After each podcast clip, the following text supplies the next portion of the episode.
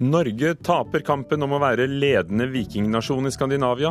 Ifølge forskere så mener vi har mye å lære av nabolandene. Kinosjefene roper opp mot kinoran. De vil at avgiften på kinobilletter ikke skal gis til andre enn kinoene. HV-festivalen vil gjenoppstå med penger fra staten. Og Fredagspanelet diskuterer politikk, håndskrift og fotball. Det skjer her i Kulturnytt i Nyhetsmorgen i NRK. Norge forsker for lite på vikingtiden, og formidlingen er for puslete. Det sier flere forskere vi har snakket med. Lars Uland Kobro hos Telemarkforskning velger seg følgende ord når han skal beskrive vikingmuseene. Eh, ville kjedelig kunne fungere? Vikingskipene. Vi er på vei mot verdensarv i særklasse. Vikingskipmuseet på Bygdøy trekker flere enn noensinne, for som Kulturnytt har fortalt i sommer, Vikinger er inn. Fem store turistbusser har allerede parkert. To voksne. Altså det aller beste er å komme inn eh, klokken ti når de åpner og er først inne. Og stå foran Oseberg når de slår på lyset, for å si det sånn. Altså Da får folk, alle aldre, hakaslepp, rett og slett. Det er ikke nødvendig å si noe. Knut Påske er arkeolog og forsker ved Norsk institutt for kulturminneforskning. Han snakker med andakt om Osebergskipet og arven fra vikingtiden som Norge forvalter. Ja, jeg mener at Osebergfunnet som et arkeologisk funn er en av verdens absolutt eh, fremste. Og man skal ikke være eh, forsiktig her. Man kan sammenligne det med Tutankhamun, Keopspyramiden, eh, kinesiske mur, Taj Mahal. Altså de virkelig store severdighetene rundt i verden. Så er dette på det. Dette er en av de ti som alle gjerne vil ha sett. Man skal ha vært på Vikingskipshuset i Norge før man dør. Men vi er ikke gode nok, verken til å presentere disse arkeologiske storhetene eller til å forske på vikingtiden. Det mener både Knut Påske og Lars Ueland Hobro. Vi er i en konkurransesituasjon. Publikum har nemlig svært mange andre tilbud og mange andre muligheter til å forbruke sin tid og sine penger. Da er ikke godt nok godt nok. Da må vi bli best. Så mener jeg at vi må ut av gjenstandsmonterne. Vi må ned fra plakat, tekstplakatene. Og vi må bokstavelig talt ut.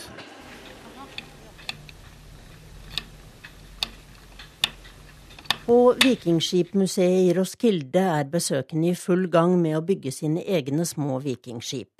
Vi er i ferd med å bli utkonkurrert i Skandinavia, mener Påske. Vi har de spektakulære funnene, men de har lagt seg på en annen linje. Altså De har faktisk gått ned i bunnen og begynt å forske på tematikken. Og på det beste så var det et forskningslaboratorium der nede som hadde over 20 forskere som jobbet heltid på vikingskip spesielt. Når en nasjon som har noen, unnskyld, noen få bordganger bevart fra vikingtid, eh, kan gjøre så mye spennende forskning og få så mange spennende resultater, og vi som sitter med originalene ja, Jeg vet ikke, jeg, med unntak av min doktorgrad, så er det vel nærmest ingen som forsker på vikingskip i dag.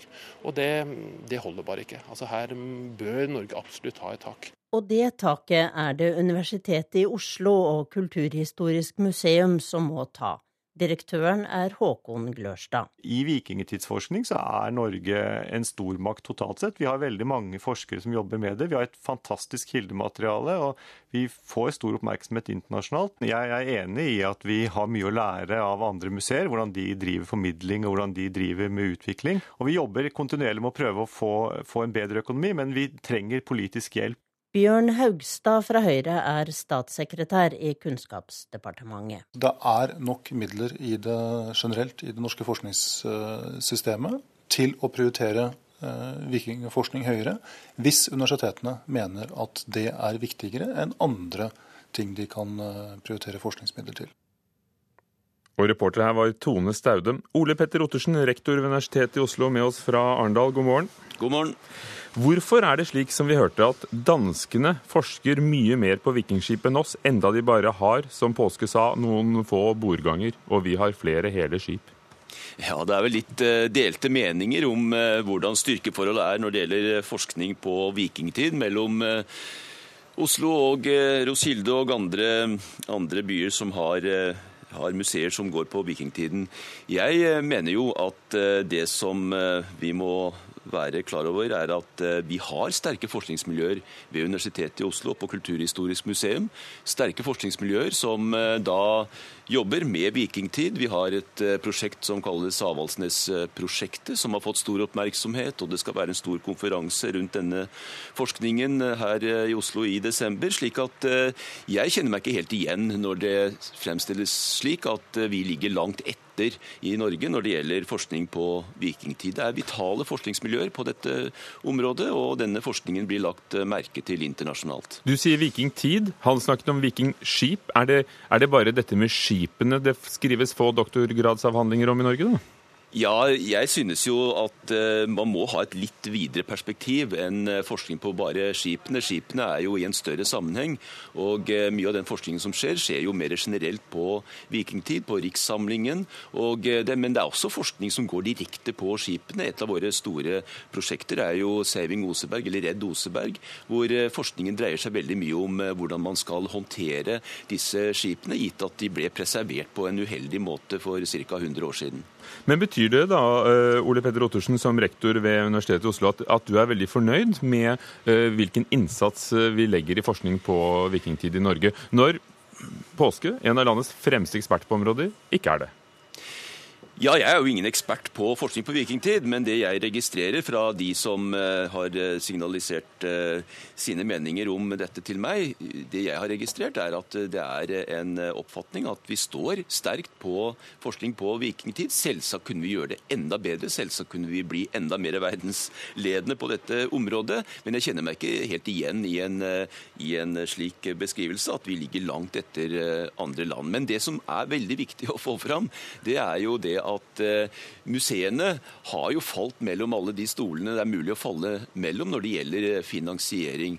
Jeg hørte jo eh, statssekretær Haugstad si her at det er vårt eget ansvar å sikre midler til museene, men jeg må jo minne om at det var en stortingsmelding for ikke så mange år siden, Tingenes tale, jeg tror det var i 2008, som signaliserte veldig klart at det var en utfordring å få en god finansiering av museene. og Der ble det bl.a. lagt inn signaler om at man skulle få få eh, insentivert altså midler for, eh, for samlingsforvaltningen men, som men nå er jo Vikingskipene en publikumssuksess. Det er vel nærmest sånn at eh, dere drar inn penger på det museet? Ja, vi kan jo umulig dekke opp alle kostnadene gjennom midler eller gjennom inntekter fra de besøkende. Det er helt umulig. slik at Man må jo se på finansieringssystemet i stort. og Der er det slik at museene ikke har fått et finansieringssystem som står i forhold til museenes samfunnsmessige betydning. Men dere har nå engang fått det oppdraget med å forvalte det museet. Da er det vel deres prioritering, da, Ole Petter Ottersen? Det er eh, både og. Vi skal prioritere innenfor vårt eh, basisbudsjett, og det gjør vi. Vi har eh, nettopp siste styremøte i juni så har vi jo satt av en meget stor sum til museene våre. Det gjelder rehabilitering av Brøggers hus på Tøyen. Der får vi en total prislapp på over 300 millioner kroner. Vi satser veldig mye på museene, men vi har også andre oppgaver. Og eh, jeg bare gjentar, vi har en fantastisk stortingsmelding som ikke er fulgt opp, og den heter 'Tingenes tale'. Alt ville bli mye mye bedre for eh, museene våre og for eh, den, det samfunnsoppdraget som de dekker, dersom tingenes tale, denne stortingsmeldingen, blir fulgt opp på en god måte. Apropos tale, vår taletid er ute. Takk skal du ha, rektor Universitetet i Oslo. HV-festivalen ber Kulturdepartementet om to millioner kroner for å kunne gjennomstå. Spørsmålet eh, vil bli tatt opp i dag i et møte med statsråd eh, og kulturminister Toril Vidvei og eieren av festivalen. Staten må ta deler av omkostningene når vi ønsker å få HV på bena igjen. Det sier Arendals ordfører Einar Halvorsen.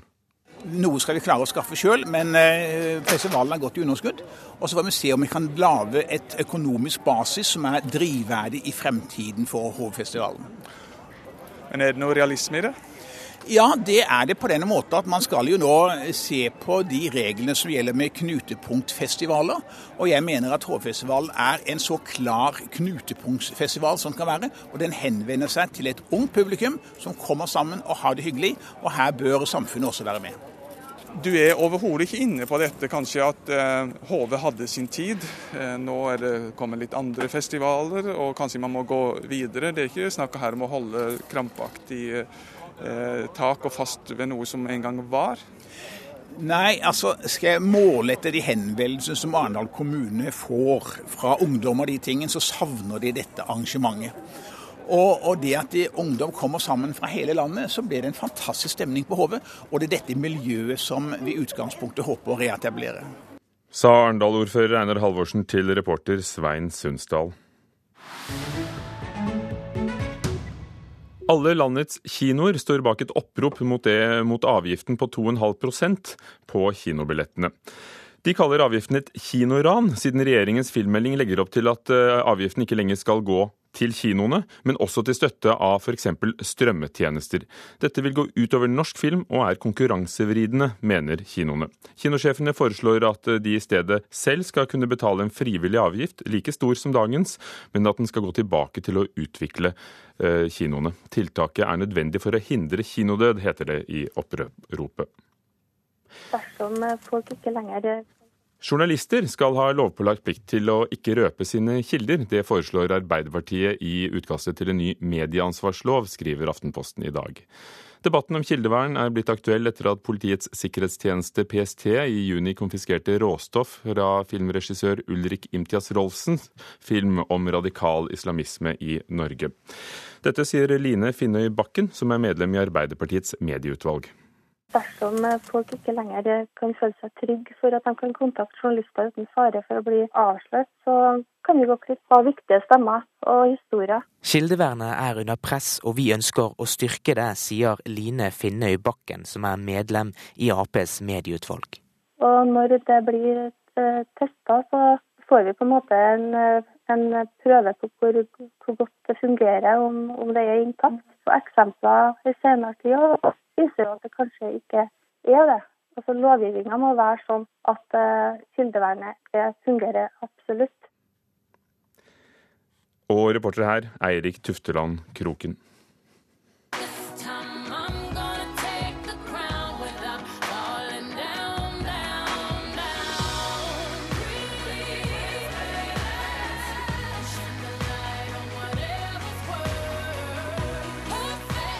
Amerikanske artisten Beyoncé blir den første svarte sangeren til å pryde forsiden av amerikanske Vogues septemberutgave, skriver britiske The Guardian.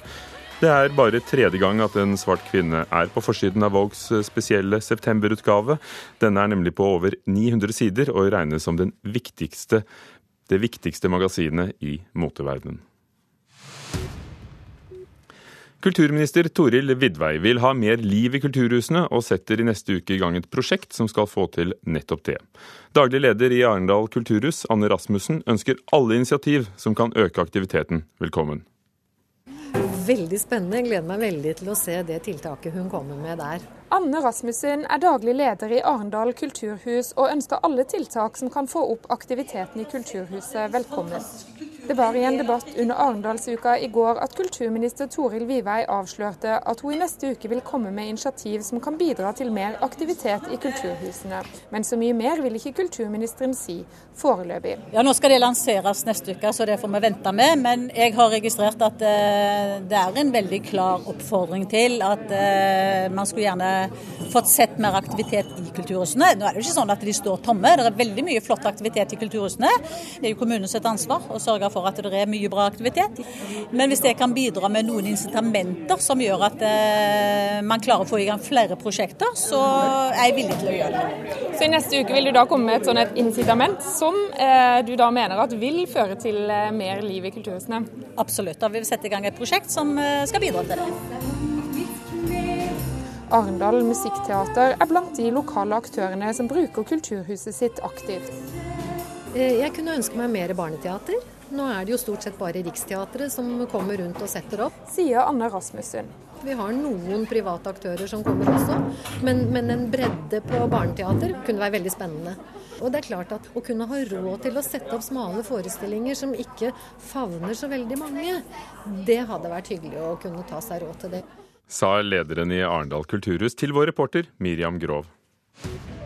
Klokken er allerede 17 minutter over åtte dører på Kulturnytt i Nyhetsmorgen, der hovedsaken er at mange kommuner ikke er flinke nok til å øve på krisesituasjoner, ifølge Røde Kors, og de frykter at liv kan gå tapt. Farlige gasser dannet under slukkingsarbeidet er trolig årsaken til den store eksplosjonen i Kina. I Kulturnytt er Fredagspanelet samlet. Velkommen, Audun Molte. Takk. Allviter om populærmusikk og førstelektor på skolen Westerdals Oslo Act. Nina Kristiansen, redaktør i forskning.no. Takk. Og Ragna Nordenborg, programleder i radiokanalen NRK P13. Hei. God morgen. Arendalsuka er politikernes forsøk på å fravriste journalistene makten over den politiske agendaen. Det sa medieprofessor, Eli Skogerbø, ved Universitetet i Oslo til Kulturnytt denne uken. Er det bra at politikerne tar makten fra mediene? Ja, men jeg er ikke enig i professorens eh, påstand. Nei. Jeg er også litt nja, ja, altså, ja, på en måte, ja. Men jeg er ikke helt enig, jeg heller. Eh, hvorfor er dere uenig i påstanden om at, om at dette her journalistene kan selv sette agendaen? Nei, altså, Premisset for spørsmålet er jo enkelt å svare ja på. For at politikerne er folkevalgte, journalistene er ikke folkevalgte. Når det er sagt, så, så har jo presse og media og, og politikere helt ulike roller sant? og viktige roller å spille. Og det samspillet som er f.eks. på Arendalsuka, det handler ikke om at noen tar makta tilbake fra noen, men at man møtes, at man snakker sammen, at man har på en måte en politisk og medie- og kulturell festival og har en, en, en dialog. Så det, det endrer det maktforholdet, det er ikke sikker på. Grunnen til at vi hører noe om Arendalsuka i hele tatt, er jo at media er der og dekker det. Det var litt det samme jeg også tenkte på. at Hvis man snakker om dagsordenmakt, så kanskje det er noe annet. Fordi det at det er organisasjoner, interesseorganisasjoner, politikere som sitter og snakker sammen, og så er på en måte mediene tilskuere, og folk som har lyst til å komme og høre på hva Redd Barna har å si, de kan også få komme, og det kan også journalistene. Så, så er det jo på en måte noen andre som setter agendaen enn en media. Og det er fint. Men det, det, med, det med å ha en definisjonsmakt forskyvning, det er jeg jo ikke helt enig i, jeg heller. fordi det, det, må jo, det, må jo, være filtrert gjennom noe, og det blir jo gjerne da media. Eller da, som jeg har fulgt Arendalsuka nå de siste dagene, selvfølgelig på da sosiale medier. ikke sant? Hørte du ikke Politisk kvarter direkte fra Arendalsuka nå nettopp? Det er rett og slett sånn at de får ut tingene sine i sine egne kanaler også, men, men, men uten media er ingen veldig stor suksess. Nei, Jeg syns jo det er flott da, at politikerne diskuterer politikk i Arendal. Det får vi kanskje bedre politikere av. Altså gode politiske diskusjoner. Men jeg tror ikke ei uke der nede gjør at man tar liksom makten fra mediene. Altså Det er jo helt prisgitt mediene for at noen skal høre om det, som mm. dere er inne på. Ja, Er de det lenger, nå som, nå som Ragnar kan sitte med mobiltelefonen Selvsagt. og så kan de skrive det selv hva de vil? Ja, Uten å få sånne brysomme ja, spørsmål? Ja, men Den diskusjonen har vi tatt, at det er forskjell på medier og sosiale medier. ikke sant? Altså, Hvem er det som eh, Altså, Det med at mediene på en måte har en annen definisjonsmakt og et annet gjennomslag enn den enkelte øh, blogger eller Facebook-side. Men jeg mener jo at hvis at ei uke i Arendal ville gjort at mediene ble fravist av makten, så hadde norsk media stått veldig veldig svakt. da. Skal litt mer til. Mm. Det syns jeg er veldig nydelig å tenke på utgangspunktet for det hele, som jo handler om at Olof Palme på 60-tallet står på et lasteplan ja. i Almedalen og snakker kult. til folket og forteller hva han har tenkt på de siste. Mm. Som en liten sånn oppsummering av, eh, av Palmes uh, halvår da, inn i, inn, i et, uh, inn i, høsten. Og så, og så, utvikler det seg jo til å bli en enorm, uh, gigantisk festival, messe, kall det hva du vil. Som er altså Almedalsvekkan ja, som er det vi hermer etter. Mm. Og den hermer de etter, men vil de lykkes å, å bli det fenomenet det er blitt i Sverige? Det spørs jo om mediene er der og skriver om det, da. Ikke sant? Mm. Jeg syns jo også det har vært veldig fint, uh, hvis man virkelig skal tenke at det blir en ny funksjon i demokratiet, så er det jo ikke bare politikere og interesseorganisasjoner som uh, må snakke sammen. Og sikkert også kommunikasjonsbransjen, selvfølgelig, som jo står bak og trekker i trådene her. Det må jo da også inviteres uh, folk, altså oss. Mm. Hele Norge må jo da begynne å bestille billett til, uh, til Arendal og Sørlandet og droppe Øyafestivalen f.eks. Da snakker vi om et nytt demokrati. Nytt spørsmål. Håndskriften står i fare for å forsvinne pga. den økende bruken av smarttelefoner og nettbrett. Dette fryktet professor i filosofi Arne Johan Vetlesen på luften her i, i Kulturnytt.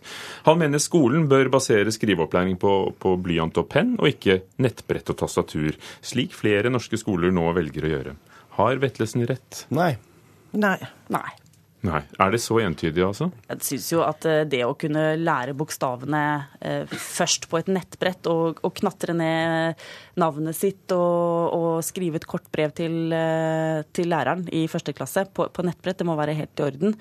Og så lærer man seg selvfølgelig å skrive seinere. Særlig syns jeg argumentet med at hånda blir litt større. Du får litt bedre grep om det når du blir litt eldre. Fordi håndskriften du lærer når du er liten, den fester seg jo. Det er den stygge håndskrifta mange sliter med. Det er fordi de, de, de, var veldig små når de lærte det. Så de kan heller lære pen løkkeskrift eh, i tredje klasse. Det som er kult her, da, er at det er et felt, endelig, et felt vi kan diskutere hvor det ikke er så mye forskning. Det er, den som er, viser som er, alt mulig rart. Ja, si. Forskjellige ting. Vi har, skrevet om to svenske studier som er veldig positive, og som oppsummerer det som eh, du sier. Men, men det er litt sånn da at når når det ikke er så mye forskning, når forskningen er tynn, så blir meningene tjukke. Og da kommer jo da filosofiprofessoren ikke sant, som forsker på ondskap og etikk, og vi som er journalister og kan være eksperter på håndskrift. Og det er jo kult, da. Og jeg, jeg er for at vi hopper over håndskrift totalt, egentlig. Altså Jeg skriver en liten sånn lapp til meg sjøl, snur meg rundt og skjønner ikke min egen håndskrift og hva jeg mente. Så jeg er for å droppe håndskrift, jeg, faktisk. jeg skjønner heller ikke min egen håndskrift, men uh, vi kan vel ikke droppe den helt, kanskje. Men den, den verden som barna er på vei inn i, er jo i stor grad digitalisert, men den er jo også analog og fysisk. Så jeg mener helt selvfølgelig må barna lære begge deler. Eh, se på tastatur som et hovedmål i skolen, og håndskrift som et slags obligatorisk sidemål. Og um, Det kan godt hende at, uh, som Ragna er inne på, at uh, tastatur er mye motorisk lettere å lære seg først, og så kan håndskriften komme etter hvert. Så Dermed får man også mer variert læring, og det er et godt pedagogisk prinsipp. Så begge deler, men tastatur er nok viktigst. Men hva sier den lille forskningen som er, da, Nina? Den er veldig positiv. Barna lærer å, å skrive fortere. Og det er fordi at eh, når du begynner å skrive i første klasse, så handler det veldig mye om finmotorikk. Eh, og det er jo ikke egentlig det som skal læres, det er jo egentlig å lære å skrive. Så hvis man går rett på tastatur, så virker det som om man kan hoppe over det med finmotorikken og gå raskere. Og de to svenske studiene som vi har skrevet, viser at det gikk fort for barna å lære seg på tastatur fortere enn håndskrift. Jeg husker at jeg gråt jeg, med, når vi skulle øve på å skrive, føre inn bokstavene Sirli i denne boka. Sirli?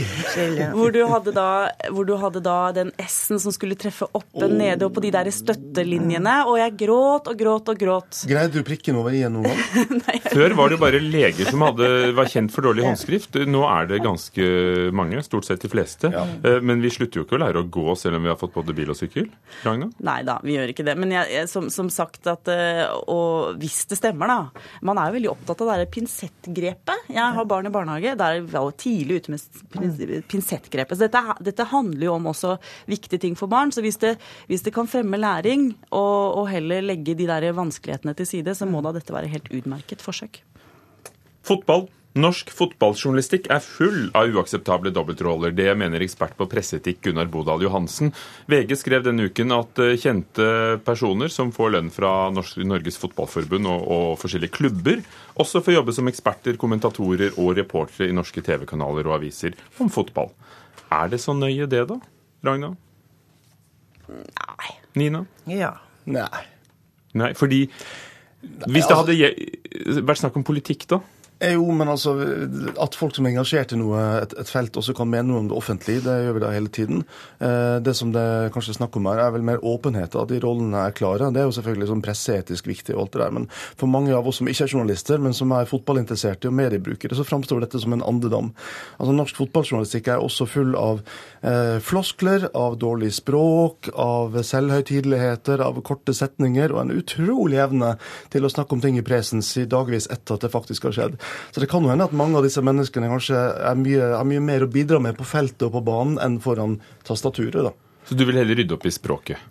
Ja, kanskje ikke så mange skulle skrive og mene. Altså, det er jo ufattelig lite som skal til for å kalle seg fotballeksperter. det er jo gøy å tenke på at gjør det du lanserte nå, Hugo, og, putter Torvald Stoltenberg inn i da nå nedlagte Søndagsavisa. Gjenoppstår med Torvald Stoltenberg. Og så tar uh, Trond Giske Dagsrevyen, og så tar uh, Vidvei rollen din her. Jeg skjønner at dette kan framstå ganske absurd hvis du flytter det, men det er jo fortsatt sånn at veldig mye av disse eh, panelene hvor disse ekstrenerne og eks-spillerne dukker opp, det er jo å kommentere eh, hva som skjedde egentlig i kampen. Og så sitter du og banner i kamper. Nå, nå tror jeg Nina at du må kaste deg frempå her. Det er, på en det er jo litt sånn Det er jo litt det er jo bare litt komisk at de ikke klarer å rekruttere flere. Jo, Kom igjen, Nina, for du var ganske entydig. Ja, det handler om åpenhet. ikke sant? Altså, Det er helt greit å være og jobbe for Rosenborg og kommentere, men man må si at det er det man gjør. Man må komme med økonomiske bindinger og roller og sånne ting. Og det har skjedd veldig mye fint i journalistikken i mange år. Altså, Vi har ryddet opp i Eh, roller og kildenærhet og sånne ting. Altså Bil- og reisejournalistikken var først. Forskningsjournalistikken, kulturjournalistikken har liksom problematisert kildenærhet og overbegeistring. Til og med naturjournalistene er jo på banen. De skrev jo bare om søte ugler og pen skog og sånn. De også er jo sånn opptatt av å være uavhengig. Og nå må jo da liksom sportsjournalistene følge etter, syns jeg, å være, bli mer profesjonelle i forhold til kilder og roller og, og bindinger og sånne ting. Men på, på reportersiden og gravesiden så er det jo klart at sportsjournalistikken henger veldig etter. Jeg er veldig enig med deg i det. Altså Når det gjelder da å få hull på hvordan agenter opererer, mm. hvordan, eh, hvordan, barn eh, blir solgt eh, for eh, milliarder av kroner, eh, fordi de er jo faktisk barn. og at man glemmer å problematisere og grave i veldig mye av det her. Så kan være enig at pamp, altså, jo mer pampevelde, jo mer lukka kan det jo bli. Men, mm. men for meg er det mer ganske gøy at de sitter og later som de diskuterer eh, på en måte verdens sånn miljøutvikling, mens de egentlig sitter og snakker om et straffespark. Kunne du tenkt deg en sånn supertekst på skjermen da, hvor det står 'mottar 50 000 fra landslaget i det ene eller andre'? Det er jo sånn, ikke sant? Altså, hvis, du, hvis, du skriver, hvis, du, er en ekstern og skriver i avisa, så er du, kaller du deg en kronikkforfatter og forteller hvem du er. Det er jo det vi ønsker. ikke sant? At de kan gjerne være der, kjempefint, men de må si hvem de er. Takk. Jeg skal si hvem dere er. Nina Kristiansen, Ragna Nordenborg og Audun Molde, som utgjorde vårt fredagspanel. Kulturnytt var ved Espen Hansen, teknisk ansvarlig. Lars Ivar Nordahl, produsent. Ugo Fermariello, programleder. Klokken er straks halv ni. Og det du hører på, er Nyhetsmorgen i NRK.